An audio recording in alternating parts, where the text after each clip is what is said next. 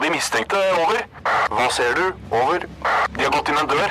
De slår på noe som ser ut som en eh, maskin. Nå går de bort til et høyt bord med noen svarte ting. Kan se ut som et våpen. Over. Ja, vent. Får videre instruks. Over. Nei, vent! Det kommer på en rød lampe. Over. Røverradioen. Norsk fengselsradio. Fant, rakker, Loffer, Landstrykker.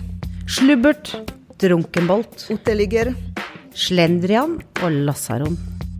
I samfunnet er det mange som er utstøtt. I dag er det oss. Velkommen til Røverradioen. Jeg eh, sitter her med meg sjæl, Cammy, og Helga. Helga. Ja. Eh, vi skal nå ta dere tilbake i tid og se litt eh, nærmere på de som ikke har fulgt samfunnets normer og regler, og hvordan samfunnet har håndtert dette. Eh, For å være eh, mer klokere på de avvikere, så eh, får vi besøk i dag av Tor Gotos, som skal lede oss i lofferverden. Men først skal vi høre fra gutta i Oslo fengsel, som har besøk av Stein Lunde. Han har satt opp en forestilling om løsgjengerne.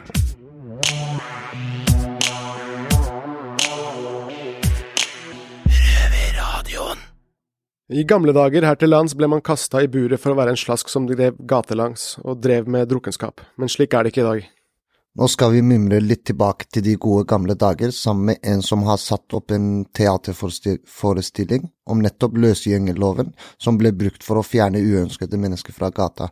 Jeg heter Sidney Nyo og står her med Mata. Yo. Med oss i studio har vi mannen bak denne forestillingen, Stein Lunde. Velkommen til Oslo fengsel. Takk skal du ha. Du er aktuell med din teaterforestilling Forbryter uten brekkjern, som handler om løsgjengerloven. Det stemmer. Kan du fortelle oss litt om hva løsgjengerloven er? Ja, det var en lov som um, en fyr som heter Eilert Sundt var med å lage. Han var Norges første kulturforsker, kanskje, reiste rundt og holdt og, Og for å finne ut dette her med fantevesenet Fanter var jo sånne folk som dro rundt omkring i Norge. Og eh, Eilert Sundt mente det at eh, for å komme i bedre vaner, så måtte man ha en lang innesperring. Det holdt ikke bare med et halvt år, men man måtte ha et halvt, halvannet års innesperring i hvert fall, mente han Eilert Sundt. Så man lagde en ny lov eh, på, som ble vedtatt i 1900, løsgjengerloven, eller den hadde litt vanskeligere tittel egentlig, men eh, og den, da ble det bestemt da, at hvis du ble tatt for noe sånt som, og fikk først noen fyllebøter, og ble tatt, så fikk du halvannet års innesperring. Men for at ikke dette skulle se så veldig rart ut, da, så var jo ikke dette fengsel, det var jo en kur. Eller, hør på dette ordet her, det har jeg kommet til å like veldig godt, behandlende oppdragelse. Det har jeg tenkt at det hadde vært veldig fint om noen av hver av oss kunne, kunne hatt litt mer behandlende oppdragelse. Men, skjønner du, så er det noe som heter ris bak speilet. Så hvis du ble tatt en gang til for det samme, altså for å være dritings på gater og torg, så fikk du tre år i tillegg. Og hvis du ble tatt en gang til, så fikk du tre år til og tre år til og tre år til. Og det var det flotte var det, det, det, effektive var at du trengte ikke noe rettssak. Dette kunne skje etter en rettslig forordning. Ganske effektivt, da. Så minimum ett og et halvt år eh, rehabilitering hvis du ble tatt full på gata. Ja. Så, og det Eilert Sundt også mente, da, det var at eh, vi har jo det samme i dag, altså arbeidsplikt eller aktivitetsplikt i fengsler. Men han mente det at det som skulle til for å få folk inn i bedre vaner, det var eh, skikkelig kroppsarbeid, helst ut i frisk luft. En kur. Det var kuren. Det, ja, det, det var den viktigste delen av kuren. Hva er en forbryter uten brekkjern? Ja, jeg valgte å kalle det det, for de som ble sendt på Oppstad, de var eh, i all hovedsak ikke kriminelle i det hele tatt, i den, på den måten vi kaller det for kriminelle i dag. Dette var eh, alkoholikere, fattigfolk fra gater og torg, og gjerne på Østlandet. Det var sånne folk som befolka Oppstad. Tvangsarbeidsanstalt. Hvorfor har du valgt å sette opp dette stykket? Det er for å fortelle denne her historien, som er så gæren som det kan få blitt, ikke sant? Eh, løsgjengerloven ble skrota i 1970, og da får jo folk litt sånn hakaslepp. Hæ? Kunne dette gå an at folk ble fengsla? Det var jo folk som satt på Oppstad i over 20 år, bare fordi de drakk for mye og ikke hadde noe fast sted å bo. Og dette kunne vare da helt opp til 1970. Det er nesten vår tid, det. Eller i hvert fall min tid. Så, så, derfor så tenkte jeg at dette, er, dette, visste jo ikke jeg. Selv om jeg liksom holdt på med disse dikta til Hans Alexander Hansen, så visste jeg nemlig ikke om det. Og det er ganske få som veit om dette her. Derfor fikk jeg lyst til å fortelle, fortelle denne historien her sånn, da. Så det sier om ja, det sier jo noe om hvordan de så på de folka på den tida der, men, men at det kunne vare så lenge, det er nesten vanskelig å skjønne. Det blei jo, etter krigen, da, så blei det en mentalitetsforandring. For eksempel det, dere har sikkert hørt om krigsseilerne, dem som kom tilbake etter krigen med svære traumer, ikke sant, de begynte å drikke for å døyve smerten.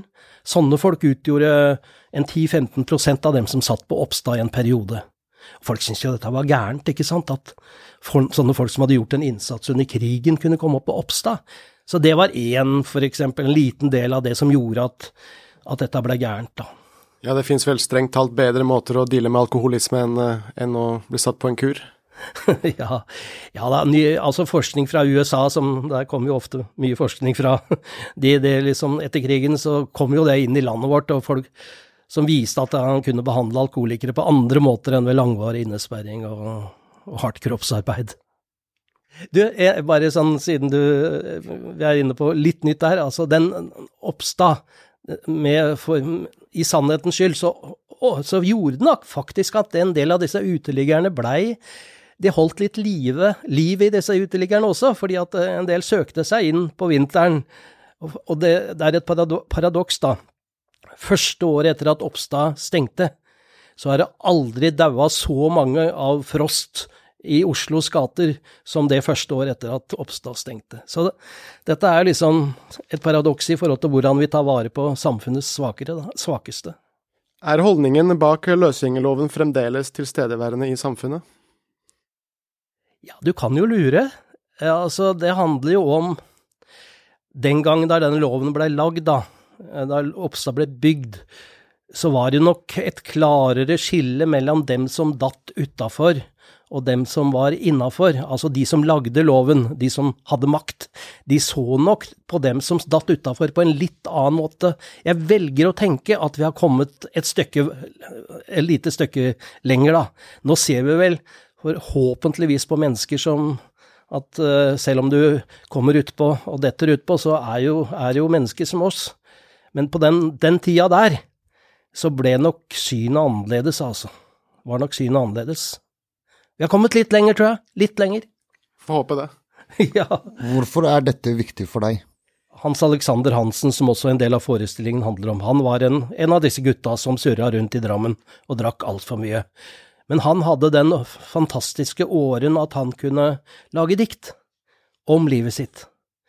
Så, um, så jeg, når jeg var en, i ungdommen, i 20-åra, så fant jeg disse dikta til Hans Alexander Hansen i avisa, og så spilte jeg gitar, da, og tenkte at jeg kunne lage noen melodier og sånn, så begynte jeg å sette melodier til disse dikta hans. Og så har disse dikta fulgt meg, eller sangene fulgt meg hele livet. Og når jeg ble pensjonist, da, sånn som jeg er nå, så begynte jeg å ta opp disse greiene igjen.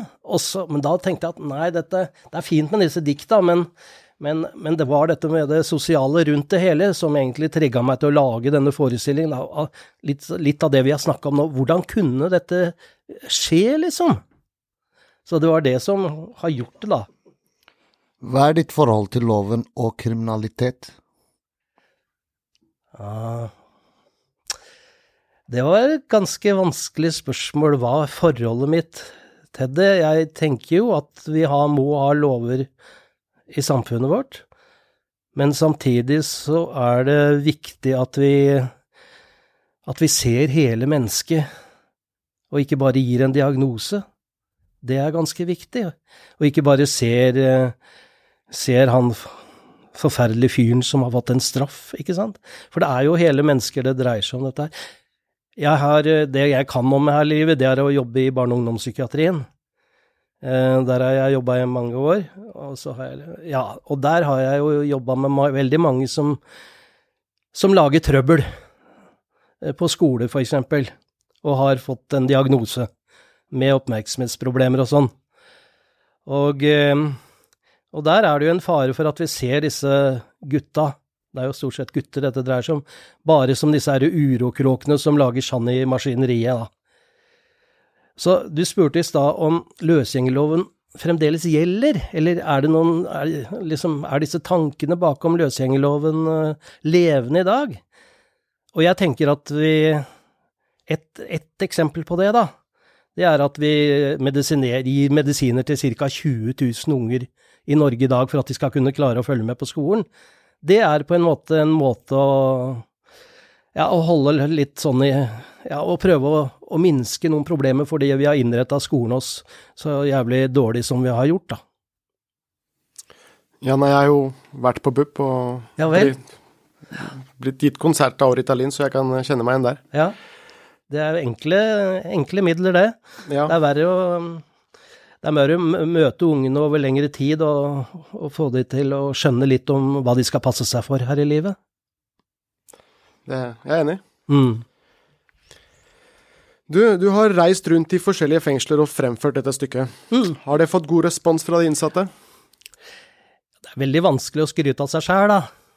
Men um, da jeg var på Åna og spilte tre forestillinger der, så ble det sagt at det var ofte et problem eh, at eh, i løpet i en sånn forestilling, når det kom folk på besøk, så, så skravla fangene en del, da.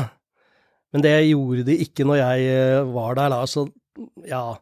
Men jeg inviterer jo ofte til en samtale etterpå, men på Åna så så var de lova is etterpå, så de forsvant relativt raskt ut av salen, da. Så det ble ikke så mye samtale rundt det. Men jeg, jeg tror de Jeg velger å tro at de fulgte godt med. Hvor det, var, det handler jo om historien til mange av de som sitter inne, da. Nå står du her med to kriminelle. Er det noe du vil spørre om? Noe du lurer på? Ja, eh, jeg har det, altså. Jeg har det. Har dere noe håp om at det skal bli bedre? Livet? Ja, ja, ja. Jeg har eh, Jeg har håp i oss. Jeg tror på Mm. Men hva skal til, da, hos deg? Det, Altså hvis uh, Hva skal til for deg? jeg, det egentlig alt er opp til meg sjøl. Det er ikke opp til staten eller systemet for min del, da, fordi det jeg gjør, er ikke noe bra. Mm. Og det er eh, hva jeg vil, du vet, hva jeg vil med livet, Mm. som å si, og jeg tenker at det, Ja, jeg tenker å forandre meg nå.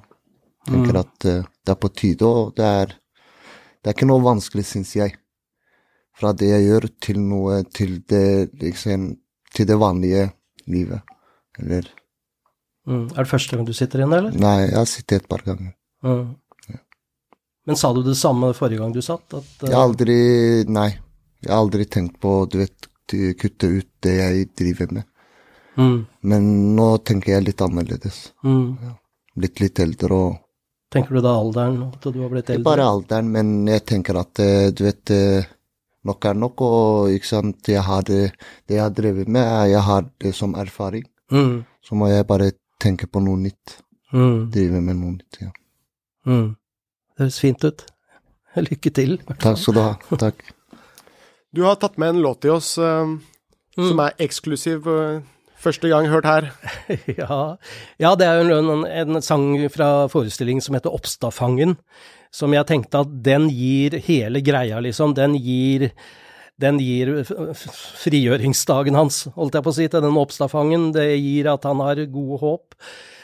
Det gir det at han eh, kommer ut på kjøret igjen, og for kameratene sier at eh, ta en dram, og så hender at han, og så gir det at han er tilbake igjen. Egentlig litt trist, da at nå er jærens himmel blitt like tung og grå. Men som du sier, det er håp. Ja, man vil jo ikke tilbake igjen. Nei, Hva heter låta? den heter Oppstadfangen. Da kjører vi på. Tusen takk for at du kom, Stein Lunde. Sjøl takk. I dag er Jærens himmel, som før var tung og grå, blitt mye, mye penere, så høy og lyseblå. I dag skal vispesnekkeren fra tvangsarbeidet gå. Og grotta med et nummer som var så lun og rar, har liksom skifta ansikt, blitt snau og tom og bar. På tross av nakne damer på mur og inventar. Men fangen sjøl står rigga i nye sko og klær som han har fått av huset, og synes nok han er dandy uten like, selv om dressen er litt svær. Så bukker han for presten, som gir han noen ord. Til niste med på veien, og han svarer jo, jeg tror at det er plenty jobber i byen hvor jeg bor. Han mente det han lovte, kanskje mere til. Men er litt handikappa i livets puslespill. Og orker ikke nekte en dram når gutta vil. Nå blir det fryd og gammen som ender i et krakk.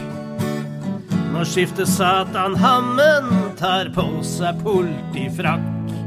Den blå engel messer, gjør gryta klar, han sprakk. Og her kan de som vil det, få se det svart på hvitt. Om en som gjorde avbikt og endte i fallitt. Det er en gamle visa, så ynkelig forslitt. Men han som gikk ad undas, kan synge den som får. Med såre skjelvetoner, så alle kan forstå at nå er atter himmelen blitt like trist og grå.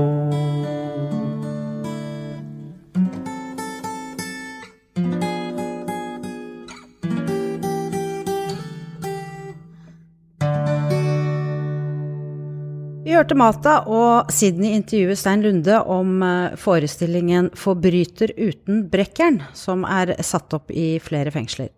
Det er eh, fremdeles Cammy og Helga som eh, kakler her. Men nå har vi fått besøk av deg, Tor Gåtås. Velkommen. Takk skal du ha. Du er folklorist og forfatter og har skrevet alt fra sjøfolk Eller alt om sjøfolk til eh, skihoppere. Du er jo svært produktiv, gir eh, kun ut fire-fem bøker i året. eh, nå har vi hørt om eh, løsgjengerloven, og hvem ble rammet av denne loven? Det var jo sånn at det ble kriminalisert å være hjemløs, arbeidsløs og uten fast tilhørighet noe sted. Og da Det var jo ikke noe nytt, det hadde vært kriminelt lenge, det er for så vidt, men da ble det satt i system. For i 1890-åra så var det en stor telling. Det var veldig mange tatere i Norge som uh, reiste rundt, og det antallet hadde økt. Og antallet loffere, landstrykere, hadde òg økt. Så det Så- var da personer som da gikk omkring, som ble ramma av det. Som eh, du mener da hjemløse? Ja, eh, det som i dag kunne hete uteliggere. Ordet Ja. uteligger fantes ikke da, men da var det landstrykere og loffer, pluss da tatere som, som var eh, en egen gruppe, for det kom da og lover mot tatere, så det var egentlig en, retta både mot tatere og mot landstrykere. Ble folk generelt i samfunnet redd dem? Det varierte veldig, for noen eh, landstrykere hadde jo godt rykte på seg, noen var helt harmløse, mange drev med håndverk, de arba, de høgde ved, de kunne være med i åndene, og så arbeid, for det var alltid behov for eh, arbeidskraft. Ca. 95% av landstrykerne var menn. Veldig få damer loffa eh, alene, og det var noen lofferpar. eh, Men, men veldig få damer som gikk alene, for det var mye mer sosialt nedverdigende for en dame å være på loffen. Men hvorfor måtte det være en lov for å beskytte samfunnet mot dem?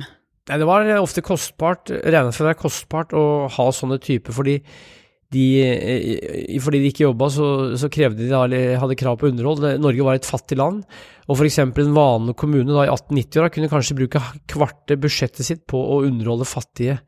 Så de tilhørte også de fattige i tillegg, da. Så de ble straffet, rett og slett? Ja, kan, Mer enn andre i samfunnet? det kan du si eh, noe Det var ikke alle som mente det, for det var jo ment i god hensikt, men det var jo sånn at uh, i et fattig samfunn så kunne ganske mange mennesker leve av å gå rundt og jobbe og overnatte da f.eks. i låver og eh, på kalkverk og teglverk, så det var jo mulig å leve sånn. Men det de ville bli kvitt, var jo da, var jo da at det her De var redd for at det her skulle bli, altså bli mer og mer, da. Og det hadde vært et problem egentlig i flere hundre år, så det var ikke noe nytt med låsgjengloven, men det ble satt i system på en ny måte. For i 1896 så kom vergerådsloven om bortsatte barn, så hadde en sang med, med vergerådsloven i 1896. Det hadde en sammenheng med at ta- tatere fikk en eh, misjon mot seg da i 1897, som skulle misjonere blant tatere, og løsgjengerloven. Så det var en del av et større prosjekt, inspirert av forholdet i England og Belgia og Tyskland. Men hvis jeg sier eh, Oppstad til deg, Ja. hva kan du fortelle meg om eh, den plassen? Det ble kalt Gjedderen. Det var en tvangsarbeidsstalt på Jæren hvor særlig menn, da, skulle komme, menn skulle komme og, drive med tvangsarbeid, bryte nytt eh, land. Det ble sagt til Jæren for å trille tåke. For å Trille tåke. Trille Det var- tåke, Det var hva mener du tåke med det? der. Så det ble sagt at de trilla tåke. og eh, mange av de som kom dit var jo alkiser eller folk som da hadde problemer med alkohol, og de fleste var hjemløse og mange var på loffen. og det var jo sånn at de hadde ofte, En del av de som var på Gjedderen, hadde vært bortsatt. For det var sånn at mange gutter og jenter ble satt bort i familier. Og da var det mye hardt arbeid, det var mye hard disiplin, mye pryl og bank. Og vi vet at en god del av de som da endte på Loffen, hadde vært eh, da i sånne forhold, og da, da hadde de gjerne fått det her arbeidet i vrangstrupen, men de mente at ved å tukte de til arbeid da, på Gjedderen, så skulle de bli gode borgere. Så dit kom de, da. For å, og det var nok hvis du var hjemløs, at du drakk deg full offentlig. Men du, vi hadde noe som het uh, fantevesen òg. Ja. Hva var det for noe? Altså, fant er et ord som kan bety mye forskjellig. Ja. Det kan bety, blant annet så kan det bety en fremmed person. Det kan også bety en person som tilhører taterfolket. Og de som var fanter, likte ofte ikke å bli kalt fanter. Det var ofte andre som brukte det ordet om de. Fanter, det var tatere på Sørlandet, eh, mens i andre deler av landet så kunne fant bety en kriminell, det kunne bety en type som da ikke gadd å jobbe, eller som ikke kunne jobbe, da. Eh, han var fantaktig. Så, så, så det er et eh, En uærlig kar, med andre ord. Eh, ja, og kvinnelig fant var jo fente. Fente, Fente? Fente, ja. Så, så det var menn og kvinner som ble kalt fanter, ja. Men du sier det, det var eh, Du mener det er 5 bare av eh, kvinnene som ble rammet av denne løsgjengerloven? 5% av lofferne var kvinner, cirka. Var kvinner, ja. ja cirka. Det finnes tellinger fra 30-åra med landstrykere, hvor de telte da i 20-åra og 30-åra så telte de alle landstrykere de kom over. De kom fram til at det var en 4000-5000 kanskje, det var anslått ca. 10 000, men de, de telte altså en god del, og de er gått gjennom de tellingene. Da ser du da hvem som er loffere, og hva de blir kalt. Noen var da eh, grensemottatere, eh, men det som skjedde var at i 1926 så ble det drept to lensmenn på Ringerike. Og da begynte de å kontrollere og eh, telle landstrykere. Så det finnes altså registre over landstrykere da på 30-tallet. Det er gått gjennom. Men eh, nå som vi først har deg her, eh, Tor. Jeg har eh, veldig lyst til at du skal fortelle om en spesifikk person som du har skrevet om i en av bøkene dine. Ja, det er mange som har blitt dømt av, av denne her lands, eh. Ja. Og vi kan jo ta eksempel et par, da. Bukken og geita. Bukken han, var en- Bukken han var en veldig vital type, og geita hadde sånn pep, pep, geitete stemme. Det er navnet, og de, de, de var da Bukken hadde vært da på Tofte Skave. Det var da et sånn guttehjem på Helgøya, som fortsatt står, men som ikke er i bruk ennå. Og geita hadde vært hore i Oslo, og når hun var ferdig med det, så ja, litt før det òg, så ble hun sammen med bukken, da. Så de gikk jo rundt. eh, De hadde base eh, oppi etter hvert, så hadde de base i et grustak oppe på Skedsmokorset, der hvor han Tommy Sharif en stund hadde sånn dekkbutikk på høyresida der. Ja, jeg Og det de gikk rundt på Romerike, da, og bukken han eh, malte da grønne tiger og blå elefanter i husa. Han var med rosemaling, da. Og geita solgte ting. De, de, eh, de var da løsgjengere og loffere. De var ikke mest straffa, de var vel alkoholiserte begge to, eller i hvert fall de drakk en god del, da. Og vi vet at to ganger så var eh, De dro til Oslo for å kjøpe skillingsviser, for de, de- var i butikker på Grünerløkka og kjøpte skillingsviser som, som geita solgte. Eh, to ganger så hadde geita gått baklengs og skynda på bukken og blitt påkjørt av trikken og overlevd. Eh, de døde på 50-60-tallet. Et, et annet par, eh, det var eh, Christian Tjukken og dama. De kom fra Vålerenga, de var homofile begge to. Eh, tjukken, dama lagde maten, og Tjukken spiste opp maten. Eh, de, de loffa rundt før krigen, og de var ganske kjente på Østlandet. Eh, og det som var problemet med sånne folk, var at hvis de ikke hadde drev ordentlig handel, så kunne de risikere å bli tatt for å være løsgjengere. For hvis du drev det gikk an å få handelsbevis, de kunne få tak i det. Og da, da, slapp de gjerne å bli arrestert fra løsgjengerloven, men de som ble tatt oftest av løsgjengerloven menn, var de som drakk mye, hvis det var åpenbart fyllik. For mange av loffera de endte da opp som lassaroner i byen. Hvordan fikk en loffer eh, status? Det var jo det å gå langt eh, og gå lenge. Vi vet at de som gikk over hele Norge ble kalt riksloffere. Riksloffere? Rikes loffer. Og det var en som het Nordens traver. Han gikk over hele Norden. Og de som ikke klarte å gå så langt, de var de eldre karer som ble uspreke og hadde vondt i hofter og knær og sånn. Så da endte de opp som lasaroner i byen, og det var laveste status å være lasaron, eller uteligger i byen. For da var det ikke noe kar, da klarte du ikke å gå. Eh, og vi vet at en del skreppekremmere, og det å bære tungt hvis du klarte Hva er skreppekremmer? Folk som solgte ting fra skreppa. Eh, de hadde ting i skreppa. Det, være, det var en, faktisk en skreppekremer som solgte kondomer etter krigen på Romerike, men han syntes det begynte å bli lite folk på bygden, at han stakk hull i kondomen før han solgte den.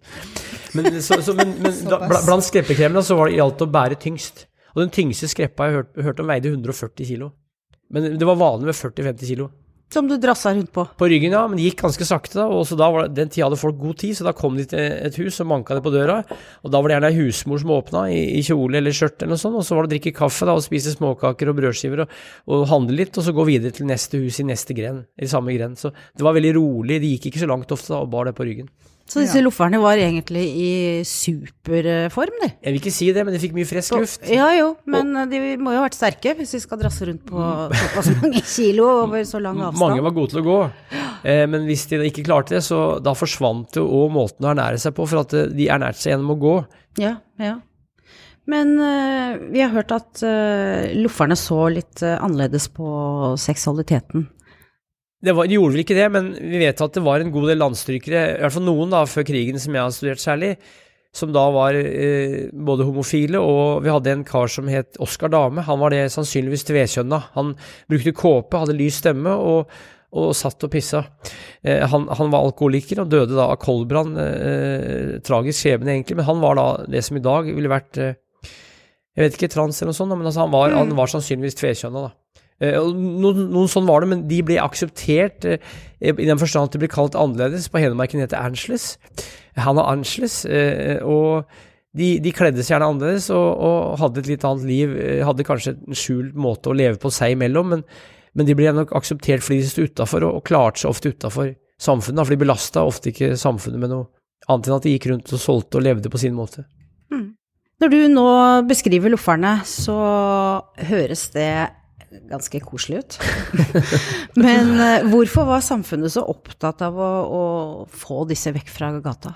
Som jeg sa, helt fra 1200-tallet, eller altså vi vet, regner med at de første Da trellevesenet ble oppløst på slutten av 1100-tallet, så begynte en god del mennesker å vandre, og helt fra 1200-tallet så var det lover mot sånne mennesker. Eh, så det var en lang tradisjon for å stoppe de som ikke da ville ha vanlig jobb, de som ikke kanskje var kristne. Kristendommen hadde veldig sterk makt. Så det hadde òg med økonomi å gjøre. Eh, I tillegg at det var en moral, de med at det var en moralsk smittefare. Hvis du så da folk som loffa, så var det moralsk smitt, smittsomt. Og de loffa gjerne om sommeren, da, da folk jobba mest. For hvis du hadde gardsbruk, så måtte du jobbe sju dager i uka fra morgen til kveld hele sommeren for å få det til å øh, gå rundt. Og, og, og, og da, da, da, var det mange som Det var da lofferne var virkelig blomstra. Mm. Så, så, det, var, det skulle, være, det skulle liksom stoppe den der lofferplagen da, som At de var i gatene, ja. Ja, eller på, ja. på landeveien. På landeveien, ja. ja. Mer, mer Men vi har det jo litt uh, sånn i dag òg. Vi ser jo de narkomane i Oslos gater som har blitt uh, eh, dytta til høyre og venstre, og jeg vet ikke hvor de befinner seg nå, ja. Men uh, de har vel opplevd litt av det at man ikke er akseptert, da. Mye av det og, samme ble brukt mot alkoholikere hvis vi går til 1920-30-åra. Ja. Og det finnes noen få eksempler på narkomane loffer da i 30-åra. En som heter opiumsdrekkeren. Han var tysker, han ble kalt doktor Radich. Han gikk rundt på apoteker og kjøpte opium. Eh, det kunne du kjøpe da, så vidt jeg vet, uten, eller opiumsolje eller noe sånt, uten eh, resept. Så det var noen få, noen få og, og det er å, å, å høre som noen morfinister. Eh, som var eh, på Loffen eh, faktisk etter krigen òg, men alkoholikere ble behandla ganske likt som narkomane blir i dag, både da i byer, hvor det ikke kunne være da i visse områder av Oslo, og, og med at de ble lagt inn da på Bergfløtt, som var en anstalt da ved Lier, i Lier, for, for fylla av menn som da gikk på Loffen. Bergfløtt arbeidsanstalt. Mm. For de skulle tvinges til å arbeide, da. Lære Og da arbeid. skulle man bli et bedre menneske, eller? Ja, moralsk bedre menneske. Det het seg det i Bibelen, tror jeg, at den som ikke jobber, han skal ikke ete. Eh, og det var en gammel tradisjon, så det har noe med Det er veldig vanskelig å forklare hvorfor det var sånn, men, men det hadde noe med eh, det som de som lagde lovene anses som ideelt, for eh, Men det har aldri vært sånn at alle har passa inn i et samfunn, så det fins jo ikke en idealsamfunn, tror jeg. Interessant. Hva gjør det at du driver Drivkraften din at du skriver om de spesielle emner, egentlig? Jeg er jo da født i 1965 og vokste opp i Brumunddal. Der eh, så vi tatere, både i bil eh, og andre steder. Jeg så landstryker langs veien.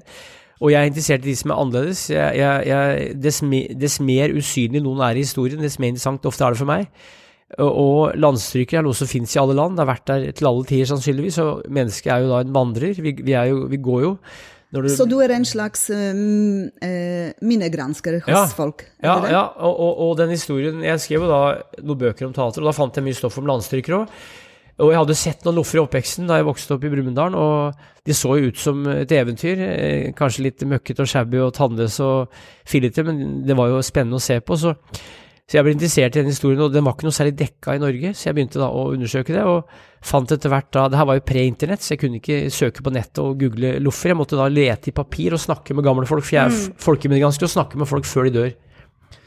Før de dør. Ett par for seint. Mm, mm. Eh, vi er veldig glad for at du kom til oss i dag, og må jo si tusen takk, eh, forfatter Tor eh, Gottaas. Takk. Sjøl takk.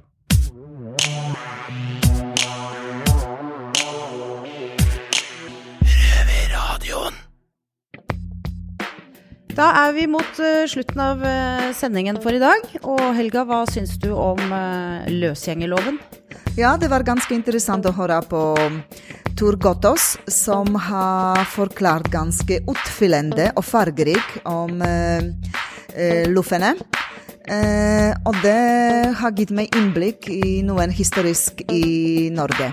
Og ikke minst, han har skrevet 32 bøker. Ja. En produktiv mann, som sagt. Men hva har du tenkt å gjøre nå?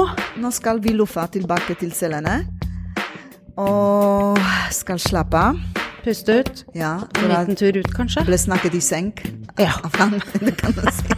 Ja. Han hadde mye god informasjon, da. Ja. Hvor skal de høre oss? På P2 lørdager halv fire.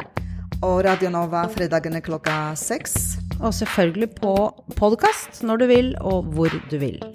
Ha det! Ha det! Det har vært stille fra over en time. Hva skjer? Over. Det er bare et radioprogram. Det er lettere å høre på dem der. Over. Ja, vet du når det går da? Over. Det er samme tid og samme sted neste uke. Over.